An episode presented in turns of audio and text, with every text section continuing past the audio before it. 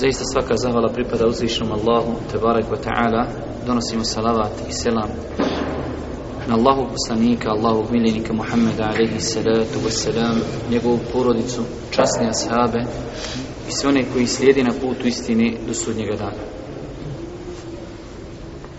proću moja draga Evo, petak je, opet se družimo zajedno sa knjigom imama Buharije, knjiga Edebul Mufred,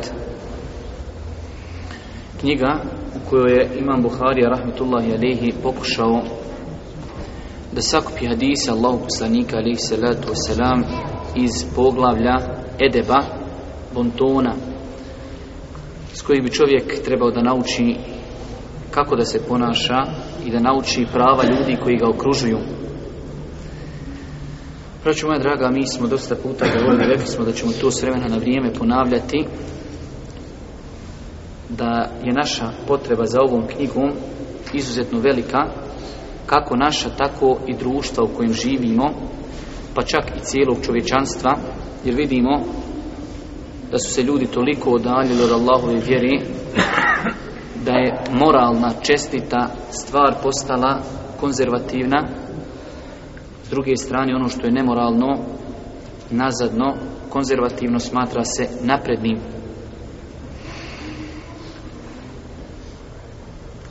Ovaj komentar i druženje sa ovom knjigom nije ništa, praći moja draga, drugo do življenje sa Allahovim poslanikom alaihi salatu wasalam, njegovim hadisima, ovom poglavlju i na kraju krajeva pružanje ruke pomoći ovom napaćenom društvu, a mi smo svakako sastavni dio ovog društva i niko ne smije ni da pomisli da se ovaj govor ne odnosi na nas, jer, braću moja draga, mi živimo u ovom društvu i najbolji primjer je primjer što je Boži poslanik spomenuo ljude koji su na jednoj lađi, putuju zajedno i mi sa ovim našim ljudima koji ne dolaze u džamiju, koji ne klanjaju, koji piju alkohol, koji bludniče, za sebe kažu da su muslimani, živimo zajedno sa njima na istoj lađi. I ako mi pustimo njima da oni oštete tu lađu i prokopaju na njoj rupu, utopit će se oni i mi zajedno sa njima. A ako ih mi odgovorimo od toga i na lijep način im to ukažemo da nije dobro, onda postoji mogućnost da se spasimo svi zajedno i da dođemo do željenog cilja. Tako da moramo znati da nije rješenje u tome da bježimo od problema i da se pravimo da ih ne vidimo. Problemi postoje, problema na svakom koraku ima. Problemima treba pogledati u oči danas bolje nego sutra. Jer ono što vidimo na terenu, braćo moja draga, ti ljudi koji nas okružuju, opet su to ljudi naše komšije, naši prijatelji, naši rođaci, pa čak nekada i naša djeca i naši roditelji. Nisu to nikakvi vanzemaljci, to su znači ipak ljudi naših porodica, tako da svakako imaju svoje pravo kod nas. Mi evo danas nastavljamo ako Bog da, da se družimo sa ovom knjigom. Govorili smo kroz dosta predavanja koja su protekla o pravima roditelja, o pravima rodbini, o pravima komšije, o pravima djeteta. I evo, jedno od poglavlja koje imam Buharija Rahmetullahi Alehi uvrstio u svoju knjigu jeste i poglavlje pravo je tima. Ubijeđen sam da, braću moja draga, malo poznajemo ovu tematiku, a vidjet ćete koliko je mjesto Islam dao ovoj tematici.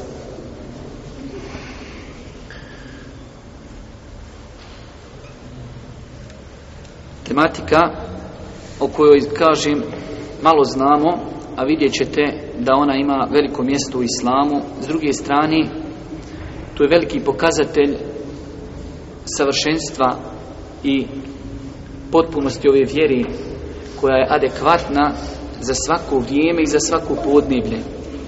Imamo neke, ajde da kažemo, pokušaje da se ljudima nametne, pogotovo u našim krajevima, ubjeđenje da vjera Islam je odgovarajuća samo za vrijeme u kojem je živio Allahu poslanik, da je ona odgovarajuća tamo za neke Arape koji žive u pustinji, dok mi Evropljani bliže smo gore kršćanstvu, tako da, jer nikada nisi čuo da kažu da kršćanstvo je onaj odgovara za neko podneblje, ali eto u svakom slučaju onaj ovo je također jedan pokazatelj da je vjera islam savršena, potpuna, ni jednu stvar nije ostavila da je nije definisala precizno.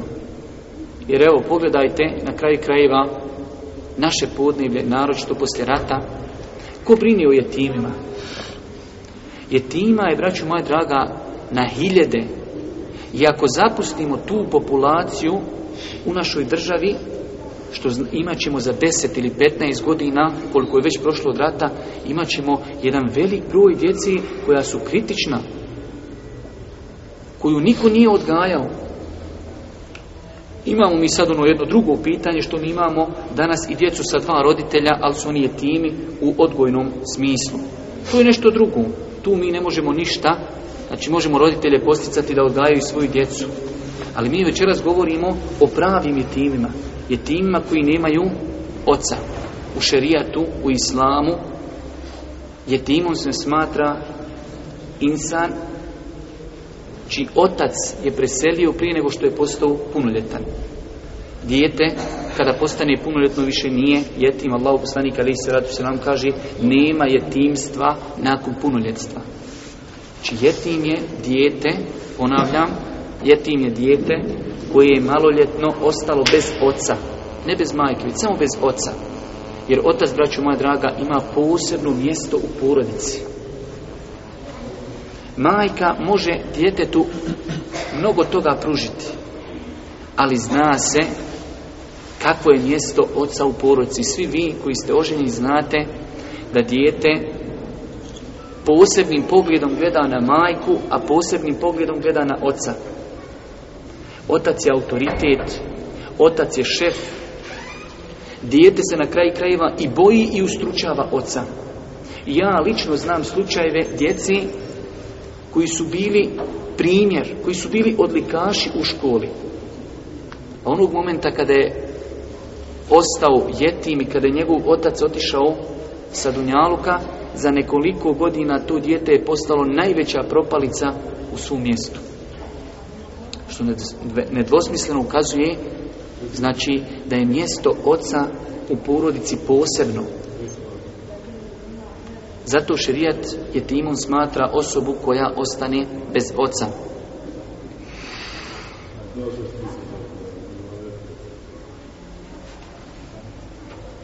Tu je, braću moja draga, ajde da kažemo nešto o bitnosti ove tematike, mi ćemo govoriti, kažem, i o toj jednoj drugoj tematici i problematici, a to je da imamo danas jedan veliki problem, da velik broj ljudi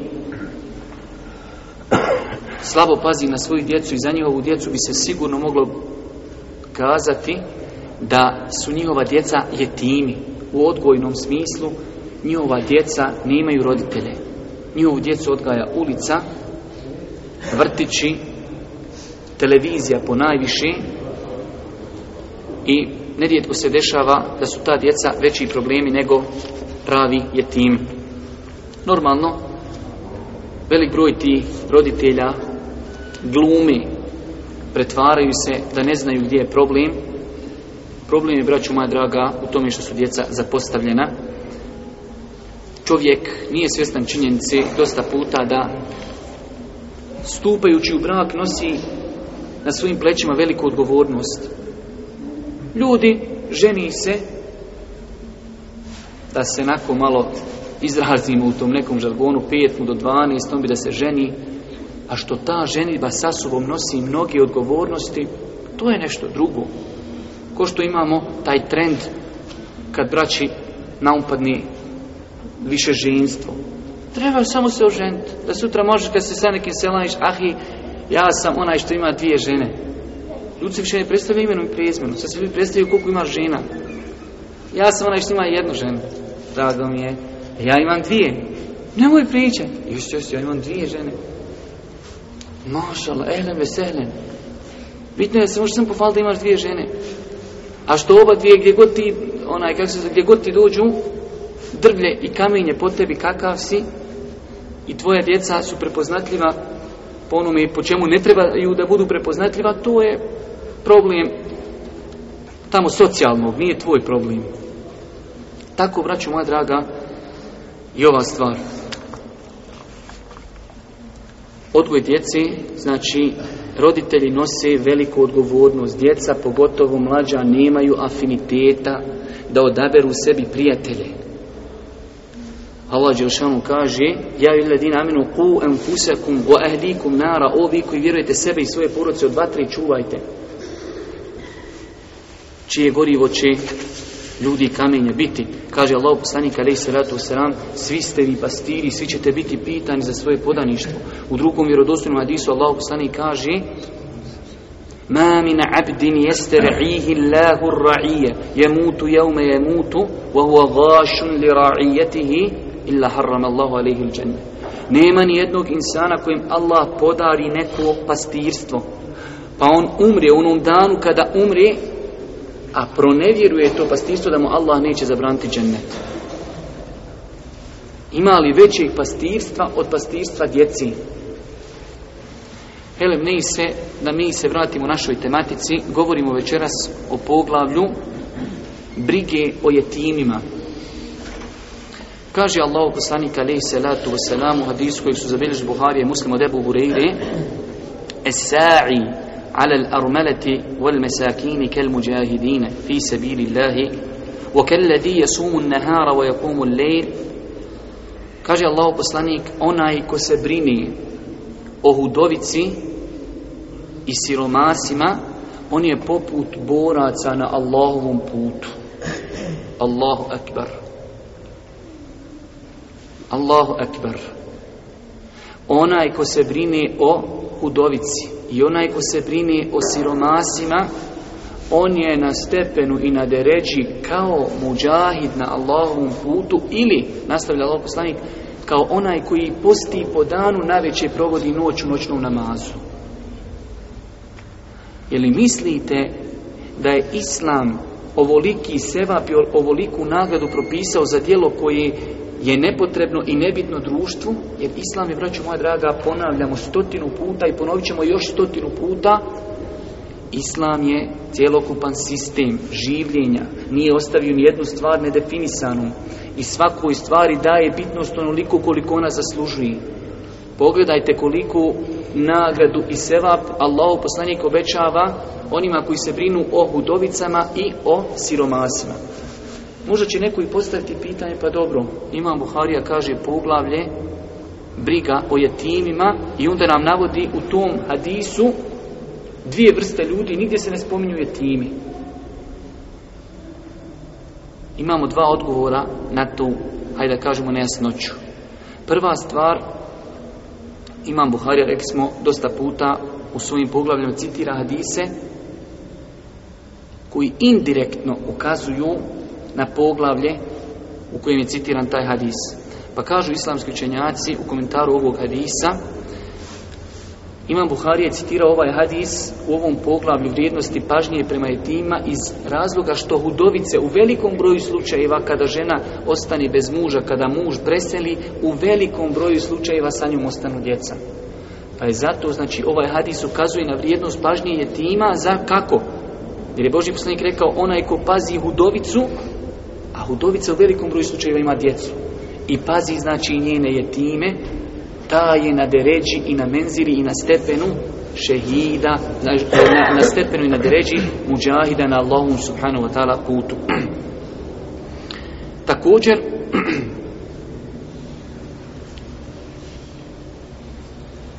u velikom broju slučajeva, nije uvijek, ali u velikom broju slučajeva djeca jetimi su siromasi u velikom broju slučaja. Pa oni potpadaju, potpadaju i pod ovaj drugi dio hadisa gdje kaže Allah poslanik onaj ko se brine o hudovici i o siromasima. Pa jeti može potpasti ovdje pod oba ova termina. I pod hudovicu, znači zato što njegova majka je ostala bez čovjeka, on je znači jetim, a isto tako može potpasti pod pojam siromaha. Ovaj hadis nam jasno ukazuje isto na vrijednost džihada, braću moja draga, stvari zbog koje su danas muslimani i tekako poniženi jer kaže onaj ko se brine o hudovici i o siromasima je kao tu smiješno bi bilo da se kaže onaj ko se brine o tome je kao onaj koji dijeli u Marku Sadaki ne bi tu bilo nikakve velike vrijednosti već treba kazati onaj ko radi to i to je kao nešto veliko u islamu pa ovaj hadis indirektno ukazuje, braćo moja draga, koliko je veliko mjesto džihada, borbe na Allahom putu u našoj vjeri.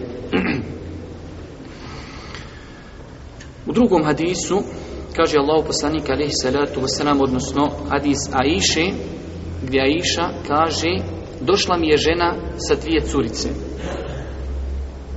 Dolazi žena prosjakinja sa dvije curice kod Aiše radijallahu ta'ala anha i prosi. Kaže Aisha, ja u kući nisam našla ništa drugo osim jedne datule. Pa sam joj dala tu datulu, a ona je podijelila svojim čerkicama i otišla.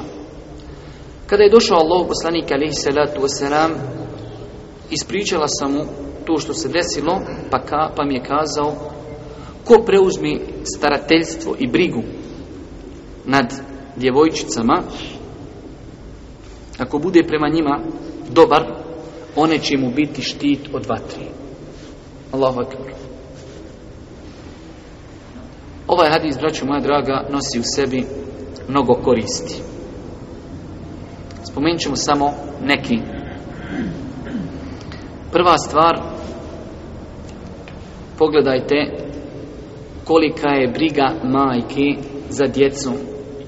Da je majka spremna da se ponizi, da prosi, da traži, samo kako bi udovoljila potrebama svoje djeci. Imate ljudi koji ne bi zatražio za svoje lične potrebe toliko je znači ponosan da bi rađe dozvolio sebi da možda umri od gladi ne bi znači zatražio. Ali kada su u pitanju djeca ljudi drugačije na tu stvar gledaju. I majka ova je spremna da dođe i da prosi zbog svoje ovi dječici. Druga stvar, druga korist ovog hadisa jeste, vraću moja draga, i činjenica da je došla na vrata kući najveličanstvenije osobe koja je kročila ikada planetu. Allahu poslanika. Došla je na kuća, na prag kući predsjednika države. I šta kaže Aisha radijallahu ta'ala nisam našla u našoj kući ništa, ama ništa osim jedne datule. Subhanallah.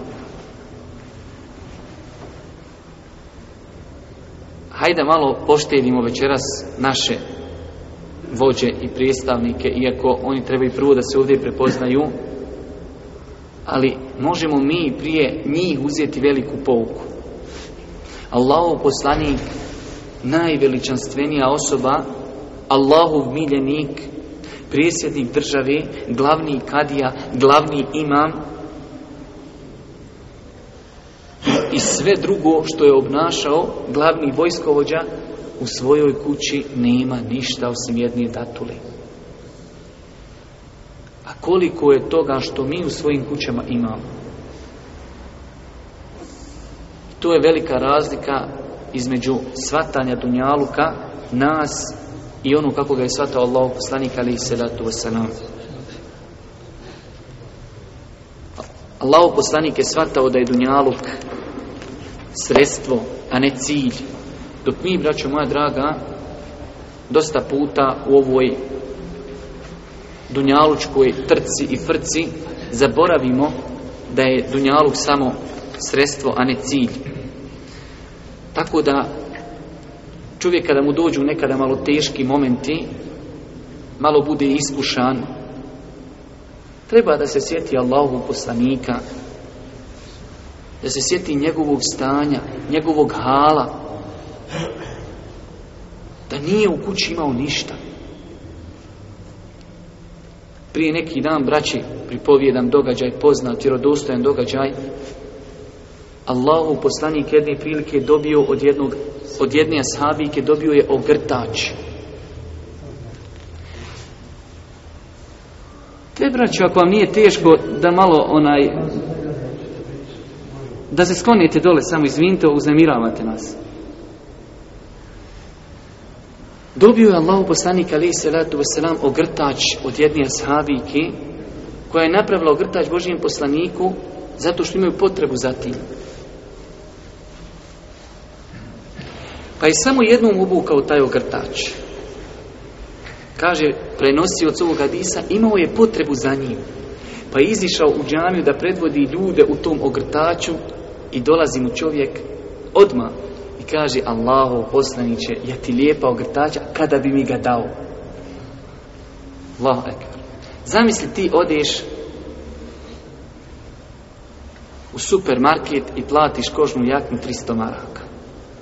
I dođeš u džamiju i odmah se za tebe zalijepi neki prosjak i kaže E ja ti fini jakni kad bi mi dao tu jaknu. Šta bi mi njemu rekli, ali nakon ono iskreno, bratski, da vidimo šta bi mu rekli. Bez sada mi ovdje glumimo neke ashave i tabi'ine. Pa normalno da mu rekli, dragi brate, ne padaju jakne s neba. Nisam ni ja je dobio s neba. Kupio i ja. Zaradi. Allah poslanik alaih salatu wasalam odlazi u kuću istog momenta, smotao je tu jaknu, taj ogrtač i daje Pa mu kažu ashabi, pogrešno si postupio, nisi trebao tako da postupiš. Allaho poslanik je uzeo taj ogrtač zato što je potreban tog ogrtača. Kaže, uzeo sam ga, samo sam ga tražio, da bi mi to bio čefin, zato što je to ogrtač koji dotakao tijelo Allahovog poslanika, pa ja želim da to bude meni čefin. I tako je bio prenosio sadisa, kaže, pa su ga zamotali kada je umro u taj ogrtač. Ovaj hadis nosi dvije koristi velike. Jedna korist je koliko je Allah poslanik bio dobročinitelj, druga je koliko je bio siromašan. Da je bio potreban ogrtača, iako je bio prijesednik države, bio je potreban da mu neko da hediju ogrtač. A da je zamolio Allaha da, da, da Safa i Merva budu zlatne, Allah mu to dao. Spavao je na postelji, kada bi ustaju ta postelja Hasura bi ostavila traga na njegovom licu i na njegovim rukama. I zato kažem, dosta puta mi polupamo te neke lončiće dok smo još na Dunjaluku.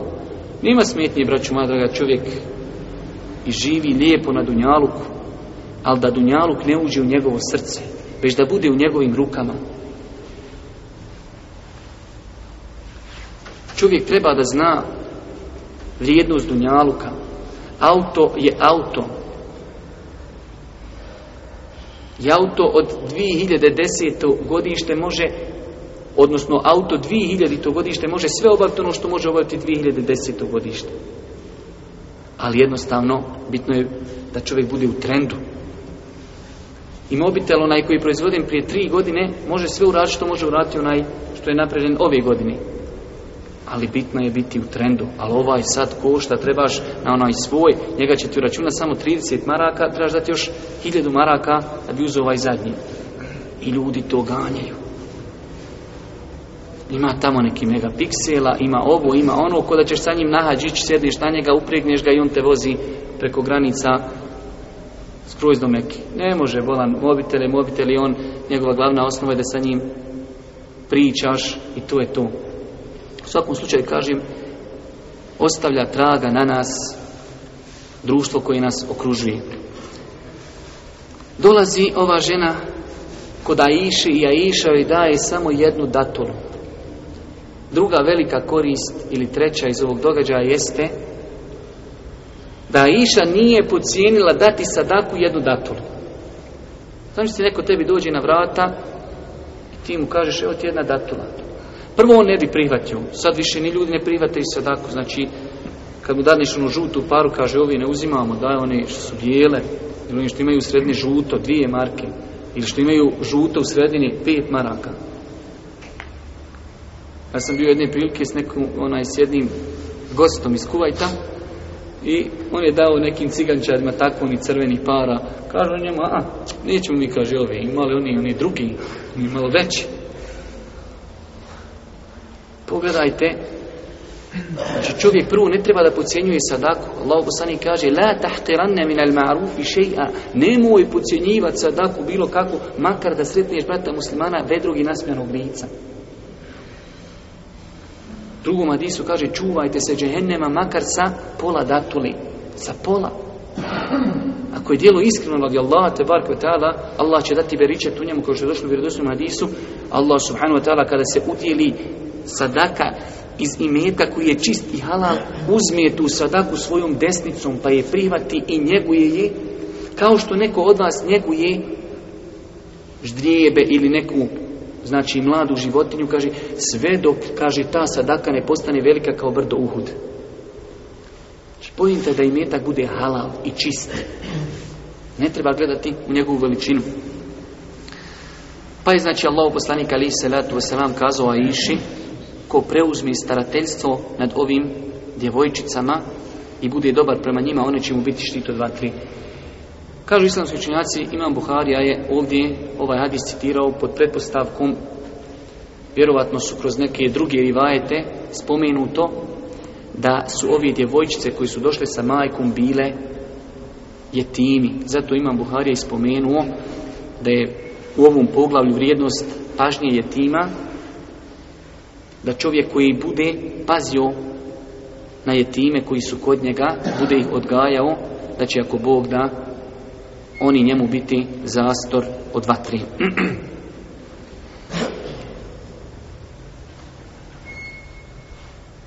Zaista je čudno kada vidimo kako su ljudi u tom segmentu brižljivi prema djeci, da mu obezbijedi egzistenciju, a s druge strane tako se, i ne možeš gledati dijete da se pati na dunjaluku, a tako lako i guramo u vječnu patnju.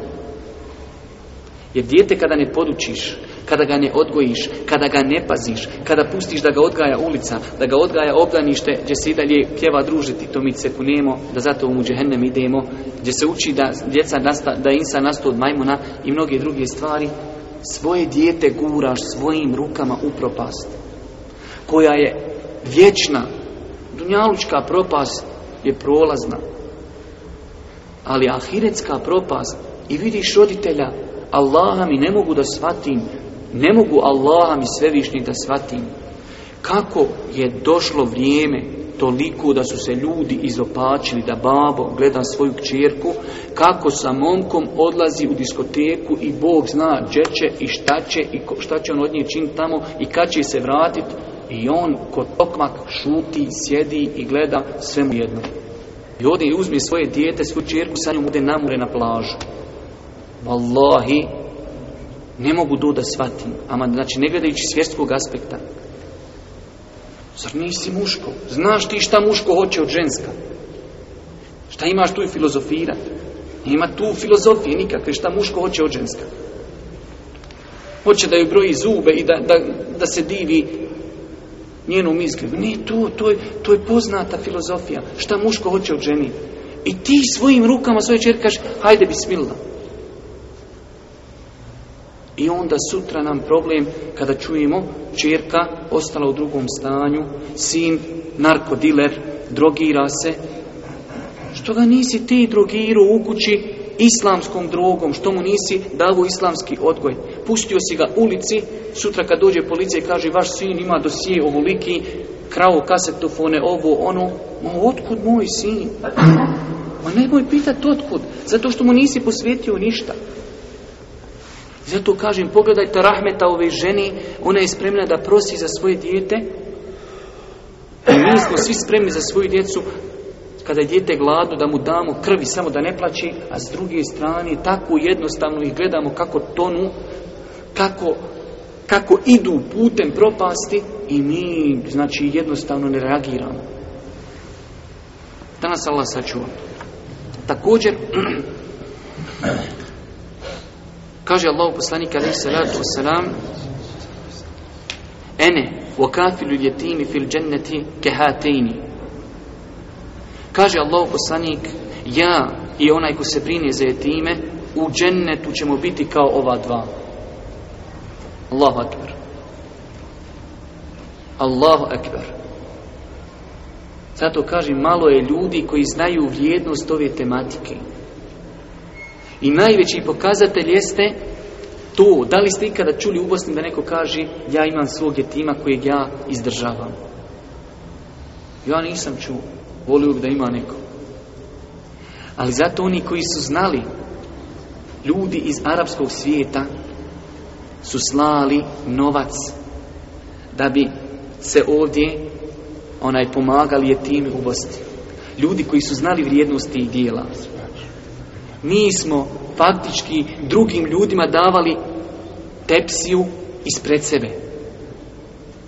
Allah subhanahu wa ta'ala nas iskušao da smo imali taj rat i u tom ratu je došlo da je mnogo ljudi poginulo i došlo je do tih jetima i onda mi čekamo da dođu otuda neke donacije od Arapa da oni pokupite te deređe i menzile sa poslanikom preko naših jetima.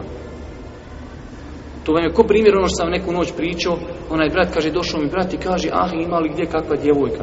Kaže, ima, a bi bio otiđi tu, kaže, mašala, ekstra fina djevojka, odgojena, kulturna, pametna, vjernica. Kaže, Boga, moma, košu jednom, dva put uzeši se. Kaže, ja sebi, kaže, a ja mene budalije, pa i ja na ženitbu, što ja ne ode se u ženu. E tako i mi dajemo most za džene Arapima. Imaju oni naftu tamo, nek, preko tih mostova gradi sebi džennet Boži poslanik kaže, ja i onaj ko pazi na je, time smo ovako u džennetu, ovako. Pogledajte kolika je razlika, samo ovako, zato što Boži poslanik u džennetu ima samo jedna deređa, koja je njemu posebno pripremljena. Zato kažu islamski učenjaci, onaj ko pazi na je time, neće biti zajedno s poslanikom na istoj deređi, ali je blizu njega, pogledaj kolika je razlika, samo malo, malo fali. Zato kaže jedan veliki islamski učenjak Trebao bi svako onaj ko čuje za ovaj hadis da radi po njemu, da pripremi sebi već put i trasu i deređu u džennetu da bude blizu deređi i stupnja koji Allah te dala podari u poslaniku alaihi salatu wasalam. To su, braćo moja draga, ogromna vrata. A mi smo rekli i ponavljamo i ponovit ćemo desetinama puta opet, sve što vjera naredi i sve što vjera za neko djelo obeća sevap, znajte da je to prosperitet na Dunjaluku. Sve što vjera zabrani, to je definitivno šteta za insana i na Dunjaluku i na Ahiretu. Ako je vjera zabranila alkohol, vallahi, vallahi hiljadu puta, vallahi, znaj da to šteti za društvo. Ako je vjera zabranila blud, znaj da je to štetno za društvo. Ako je vjera zabranila krađu, znaj da to šteti za društvo. Ako je vjera naredila da se pazi komšija, onda znaj da je u tom i hajr. Ako je vjera naredila da se pazi jetim, znaj da je u tom i hajr. Pogledajte kako je ova naša vjera potpuna. Daje ti sevap za ono što će tebi olakšati dunjalučki život. I rekao sam vam ja, kada imate hiljede tima koji se prepusti prvo, prvo materijalno, budu siromašni, to će sutra biti glavni e, lopovi koji će krasti kasetofone iz auta po Sarajevu. Gladno, mora od neka, ti on retrovizor bolan od auta. Ali kada mu na vrijeme neko dadni, smirio si ga materijalno. A nakon toga, kažu islamski učenjaci, ovdje kada se kaže Allah poslanik, ene u akafilu je tim, ja i onaj koji pazi na tima, Ovdje se kaže ne mi svi učenjaci koji sam našu komentare na ove hadise i znači snimljene i pisane, svi kažu ne misli se samo da mu dadiš pare. Da ga ugojiš kao što su elhamdulillah naša braća Arapi slali pare i dadnu samo jetima, a naše majke tih jetima još dali im države stanove i svi znate već šta je dalje bilo, kakav je scenarij bio. Nažalost, toga je bilo dosta, ne kažem da su sve, ali je bilo dosta toga kako god treba je tima obezbijediti materijalno, isto ga treba obezbijediti odgojno. Nisi ništa postigao to što smo dao para i samo ga udeblju faktički što bi rekli za klanje si ga pripremio. Ništa. Ako ga nisi odgojio, ako mu nisi dao terbijet, ako mu nisi dao odgoj, ako mu nisi dao vjeru, ako mu nisi dao bogobojaznost od Allaha, ako mu nisi dao kulturu ponašanja, nismo mu ništa dao. Dao smo mu pare da sutra za njih drogu kupuje, dao smo mu pare da za njih duhan kupuje, dao smo mu pare da može drogu trošiti. Nije samo rješenje daj mu pare.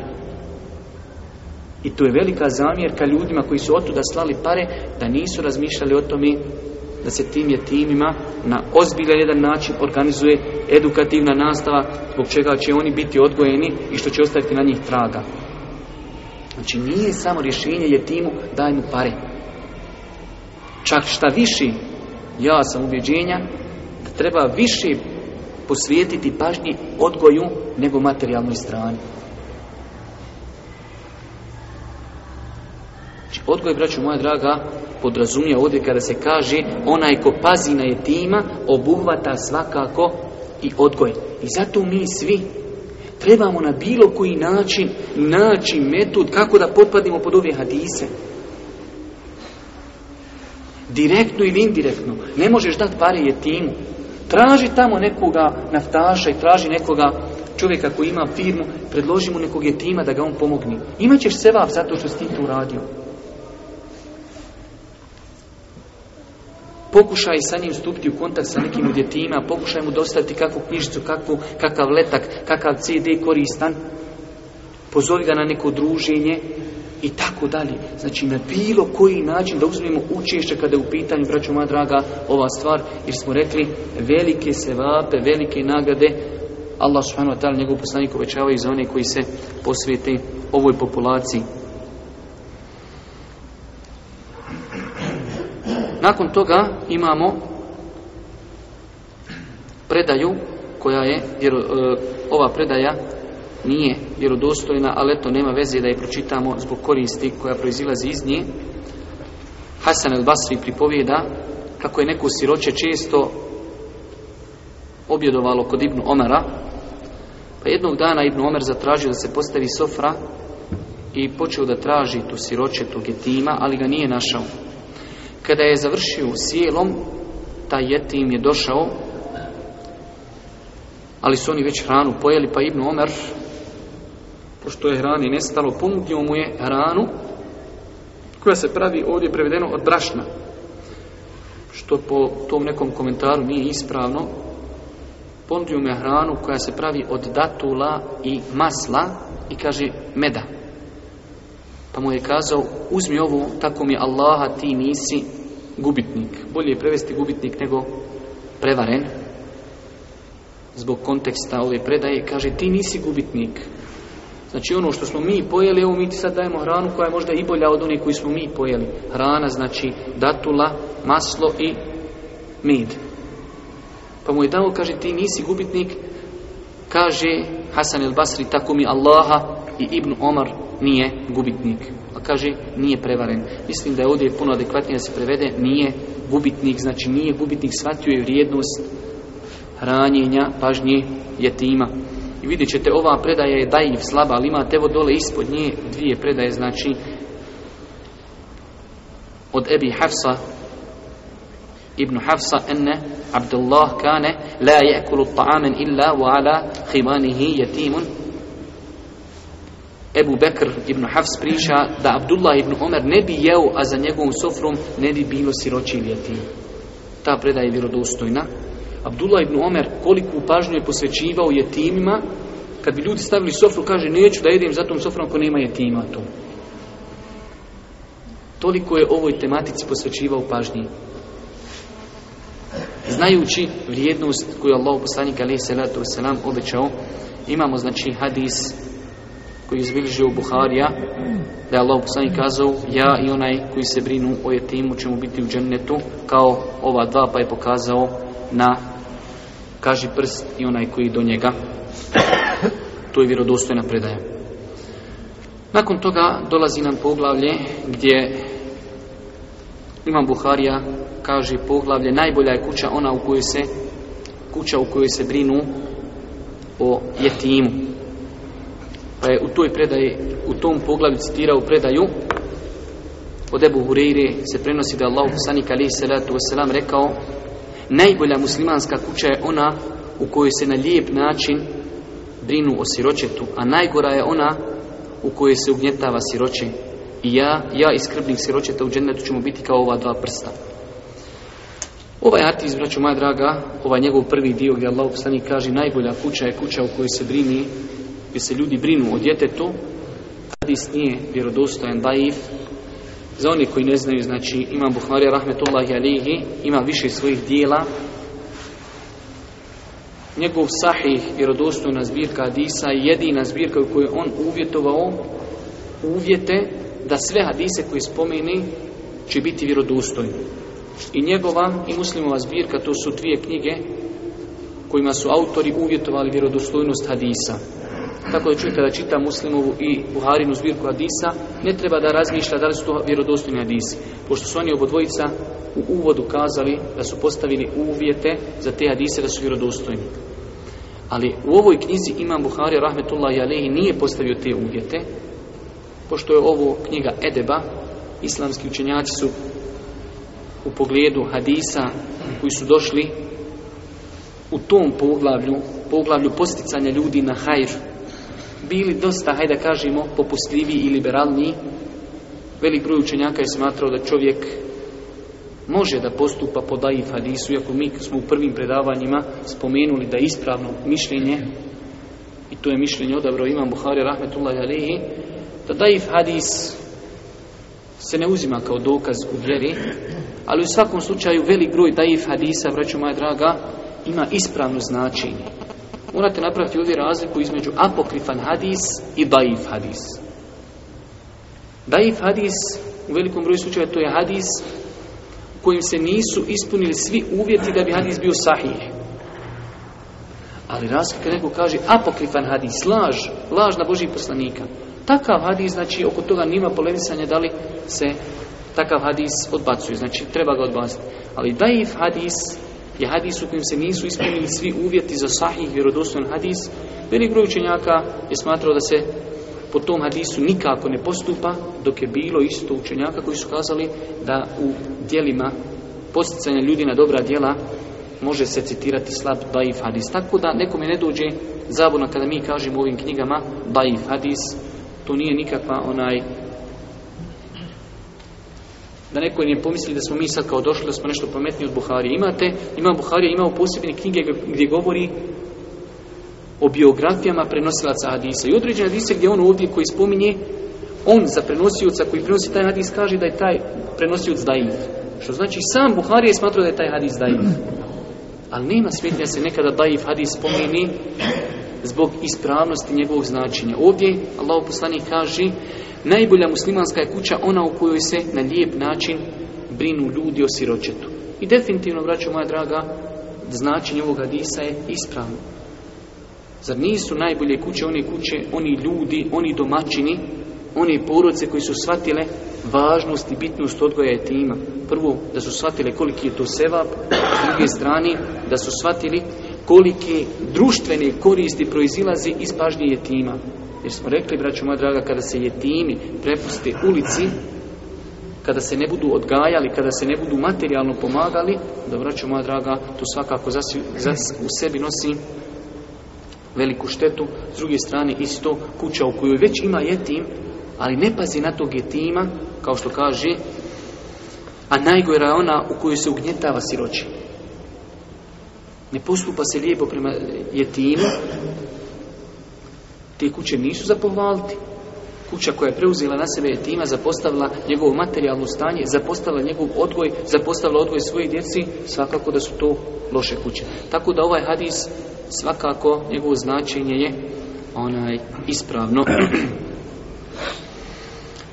Nakon toga imam Buhari rahmetullahi alejhi citirao i predaju od Davuda alejhi salatu vesselam mi ćemo samo citirati njen početak predaje vjerodostojna da Davud Ali se letu se nam kazao Ponašaj se prema siročetu, prema jetimu, kao što se ponaša brižan otac prema svome djetetu. Ovo je, braću moja draga, jedna velika formula. Imamo poslije opet vamo jednu vjerodostojnu predaju od Ibnu Sirina. Kako čovjek treba da se ponaša prema jetimu? da se prema jetimu koji čovjek preuzmi pažnju nad njim treba ponašati kao prema svome djetetu ali ne, pazite zato kako su ti ljudi bili precizni svaka riječ imala svoju težinu kaže ponašaj se prema jetimu kao brižan otac prema svom djetetu ne kao otac prema svom djetetu već kao brižan ima oče, ne, nije fora sam da budeš kao otac Imaš babo zvizne dijete što osam izbijem u zub. Imaš dijete pusti babo da ga odgaja ulica. Ne, ne, to nije brižan babo. Mi nećemo tako da se ljudi ponašaju prema Ponaša Ponašaj se prema jetimu onako kako se ponaša brižan otac prema svom djetetu. U svakom pogledu brižan. Brižan kako ono izgleda. U smislu, je li lijepo odjeveno? Brižan, je li ono gladno? Brižan, je li njegovo dijete odgojeno? Sve te stvari imaju svoje mjesto. I izgled, vanština, i odgoj, i na kraj krajeva potrebe egzistencije. Tu je brižan otac. I takav otac treba, i tu je formula. Kažu islamski učenjaci, to jednoj velikoj formuli, kako treba da se ponašamo prema etima Kaže, ponašaj se prema etimu onako kako bi volio da se ljudi ponašaju prema tvom djetetu nakon tvoje smrti. Kad imaš tima u svojoj kući, Pretpostavi da si ti preselio i da su tvoja djeca ostala kod nekog čovjeka. Kako bi ti volio da se taj čovjek ponaša prema tvoje djeci? E, onu, taj odgovor ne moraš meni dati, već onako kako bi ti volio da se drugi ljudi ponašaju prema tvojoj djeci, da su je timi, tako se i ti ponašaj. Jer, braću moja draga, ova naša vjera je vjera potpomaganja, vjera ljubavi, vjera poštenja, Allah poslanik se salatu wasalam kaže primjer mukmina, primjer vjernika je kao primjer jednog tijela koji kada se razboli jedan dio tijela oboli, ostali dijelovi tijela se odazivaju nesanicom i temperaturom. Čovjeka zaboli prst, oteku prst, udario se čekićom, nije znao zakiva teksere i udari unokat. No, no, prst, ali temperatura na čelu boli glava, ne može spavat, boli prst. Kakve veze ima spavanje i prst? Tijelo se suosjeća. Takvi muslimani treba da bude, budu, da se međusobno suosjećaju. Preselio je na Ahiret, otišao je čovjek, iza njega su ostala njegova djeca. Treba toj djeci da volimo ono što volimo sebi, što volimo našoj djeci, kao što bi voljeli da neko preuzme našu djecu, da ne dozvoli da oni sutra postanu lopovi, da postanu narkodileri, da postanu drogeraši, da postanu tamo ljudi, kako se zovu, konobari koji će raditi po restoranima, već da to budu čestiti, fini insani, kulturni, obrazovani vjernici. E tako mi treba da se ponašamo prema njegovoj djeci. Da im volimo ono što volimo i sebi. Nakon toga, Imam Buharija, i alihi, citira nam predaju od Esme,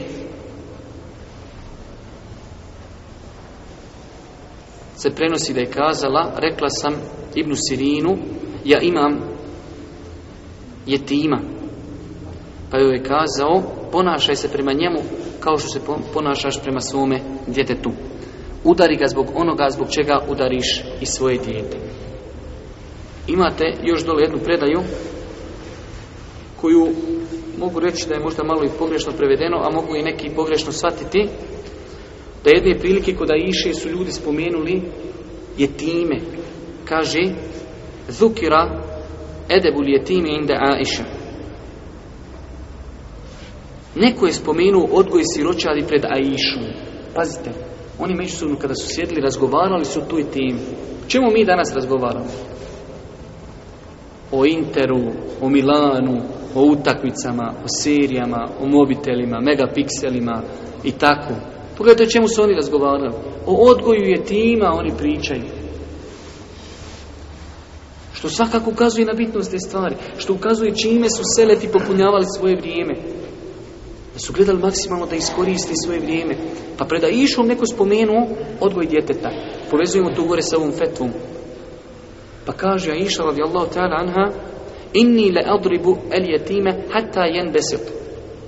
Kaži ona, ja znam udariti dijete do te mjere i ovdje je prevedeno toliko snažno da se dijete valja po zemlji. Ovdje je malo prijevod, isto treba korigovati, uz dužno poštovanje prevodioca. Kažu komentatori ovog Adisa, vi znate kako je dijete. Malo ga klepiš, a ono od neke ljudnje legne i onda se valja po zemlji. E to je cilj ove predaje. Iša kaže, ja neka znam udariti dijete, pa njemu krivo što sam ga ja udarila, pa ono legne i valja se po zemlji. I to je ispravno svatanje, a ne, znači, toliko snažno da ono, zvizneš ga, ono padne na zemlju. Znači, nije to to, ima, znači, kako kad je u pitanju, tako evo, ja udarim jetima toliko snažno da se valja po zemlji.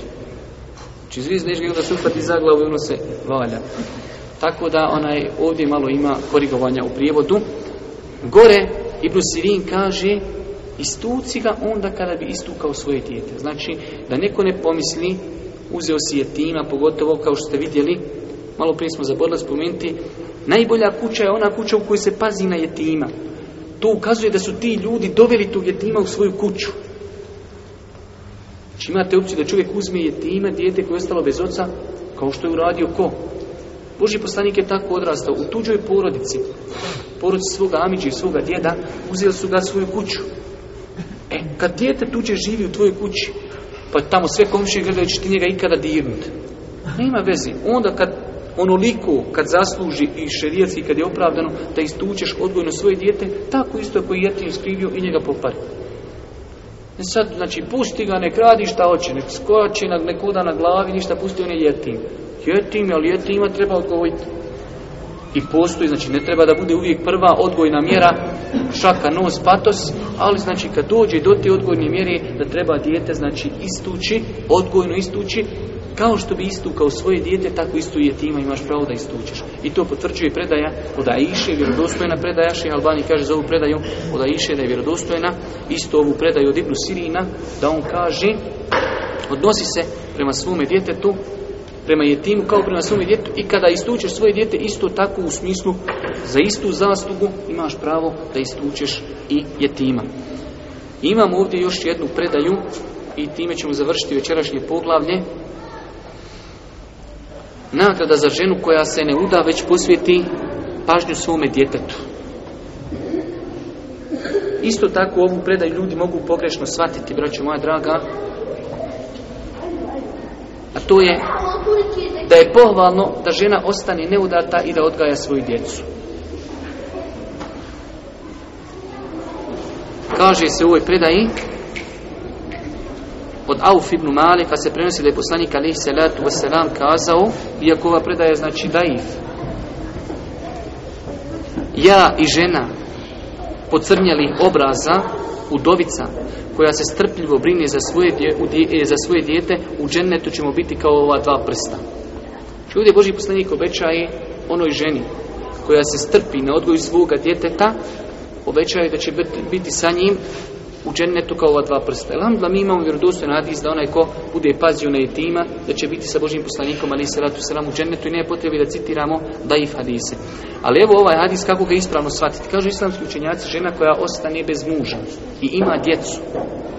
Ne vezuje se propis za udaju, već se propis vezuje za odgoj.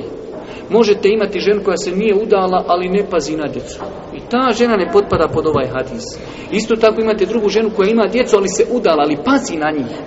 Ta žena potpada pod nagradu, će biti na deređi, znači blizu Božijeg poslanika, ali se ratu I ne vesuje se propis.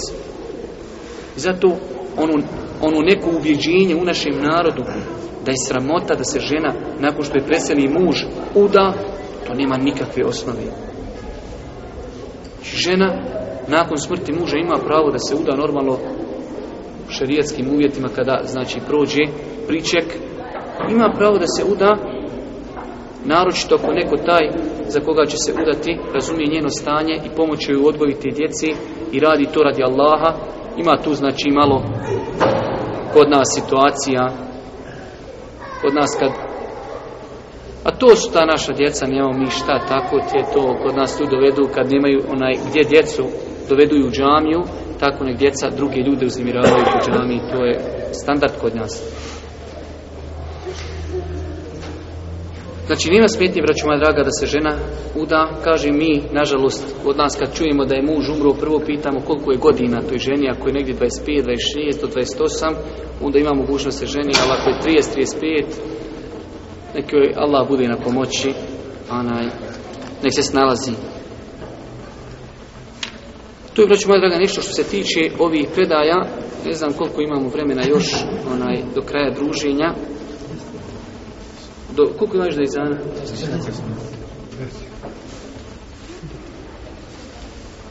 Ništa, u svakom slučaju, znači, samo ću vam kazati jednu činjenicu da nekoliko tih činjenica.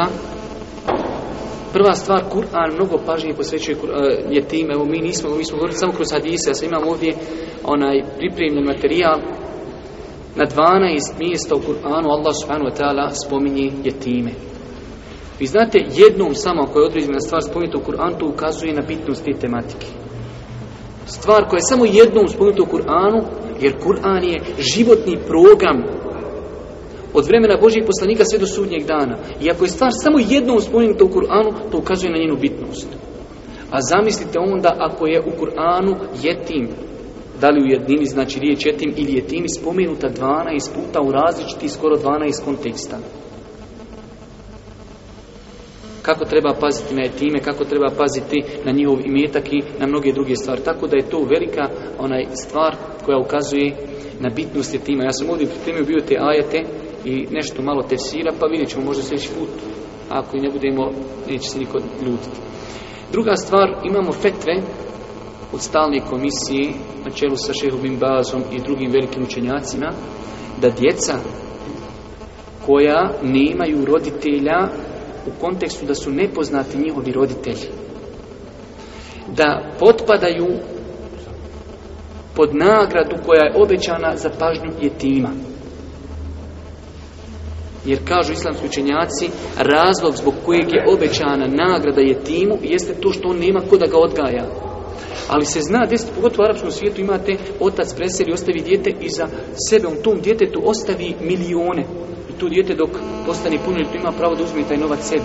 Ali dijete koje je nepoznato, ne znamo se nikomu ni babu, nikomu je mati, našlo se dol neđe kraj nekog kontejnera, a svakim danom i sve više takve djeci, takva djeca, kažu islamski učenjaci, su prioritetnija da se na njih pazi nego tim. Jetim na kraj krajeva ima svoje porijeklo, ima možda svoga nanu, svoju svoga djeda, ima Amidžu, ima ovo, ima ovo. Znači ima neko brinuti o, njega, o njemu, ima svoj imetak, dok dijete, čije porijeklo je nepoznato, Znači na njega treba veću pažnju, njemu treba veću pažnju posvijetiti nego je tima i znači islamski činjaci, želim da vam kažem, imaju fetve gdje kažu da hadisi koji ukazuju na vrijednost pažnje prema tima isto su obuhvataju i ovu situaciju kada su u pitanju djeca koja ovaj nemaju jednog roditelja u smislu da se uopšte ne zna njihovo porijeklo. Također, interesantna stvar za ljude koji nekada žele da uzmu jetima sebi i to vjerujte, ja sam čitao po fetvama islamskih učenjaka, ljudi uzmu sebi jetima u svojega i onda to dijete pripišu sebi i svojoj porodci u smislu prezimena. Što je svakako, braću moja draga, šerijetski neispravno, vi znate da je Allah poslanik alaih salatu selam, znači njegovim slanjem, Boži poslanik kada je bio malo dijete, uzeo je Zeida da bude, kak se zove, njegov posinak. Pa je to derogirano, braću moja draga, i tako da nije dozvoljeno da čovjek uzme dijete i da ga pripiše svojoj porodici. I to dijete treba da zna sutra kad odraste ako nije došlo do toga da ga je ta žena koja je preuzela brigu o njemu, kao je tima koga nije zadojila, znači ono je stranac za tu ženu. Ne može sa njom se osamiti, ne može sa njom putovati, te stvari su nepoznate velikom broju ljudi, ljudi u svoje dijete i onda to dijete jednostavno kaže ono je odraslo sa nama, nema šta, znači ono se sutra osamljuje sa tom ženom, putuje sa njom, što je neispravno, braću moja draga. To dijete se ne smije pripisivati na tu porodicu, ono ima svoje porijeklo, to je širijetom zabranjeno, isto tako znači ono je u svim drugim propisima kao bilo koje drugo dijete. Treba prema njemu biti, znači, pažljivi, trebamo činiti dobročinstvo, ali ne da bi se kršile Allahove granice, znači da bi se on sutra bespravno osamljivao, ali to kažem, alhamdulillah, postoji ta mogućnost ako je dijete, znači, usvojeno, hajde reknemo pod navodnim znacima usvojeno, ako su ga preuzeli, da pazi o njemu prije dvije godine, i ako ima mogućnost da ga ta žena, znači, zadoji pet puta ili više, ono može da postane njihovo dijete po mlijeku i samim tim onda ove zabrane prestaju, ono se može osamljivati sa tom ženom, može sa njom putovati, znači, ono je mahrim. Ima mnogo toga što sam ja planirao da vam kažem vezano za ovih kuranske ajete koji govori o pravima i tima, ali eto, ako Bog da možda ćemo o tome govoriti sljedeći put, ako ne budemo, budemo govorili o nekoj drugoj temi, vi se nećete ljutiti. Molim Allah subhanahu wa ta'ala na kraju ovog druženja da nas podući propisima vjeri. Molim Allah tabaraka wa ta'ala da nas učesti u ovim teškim vremenima, da nam bude milosti na sudnjem danu i na kraju subhanahu wa ta'ala, la ilaha illa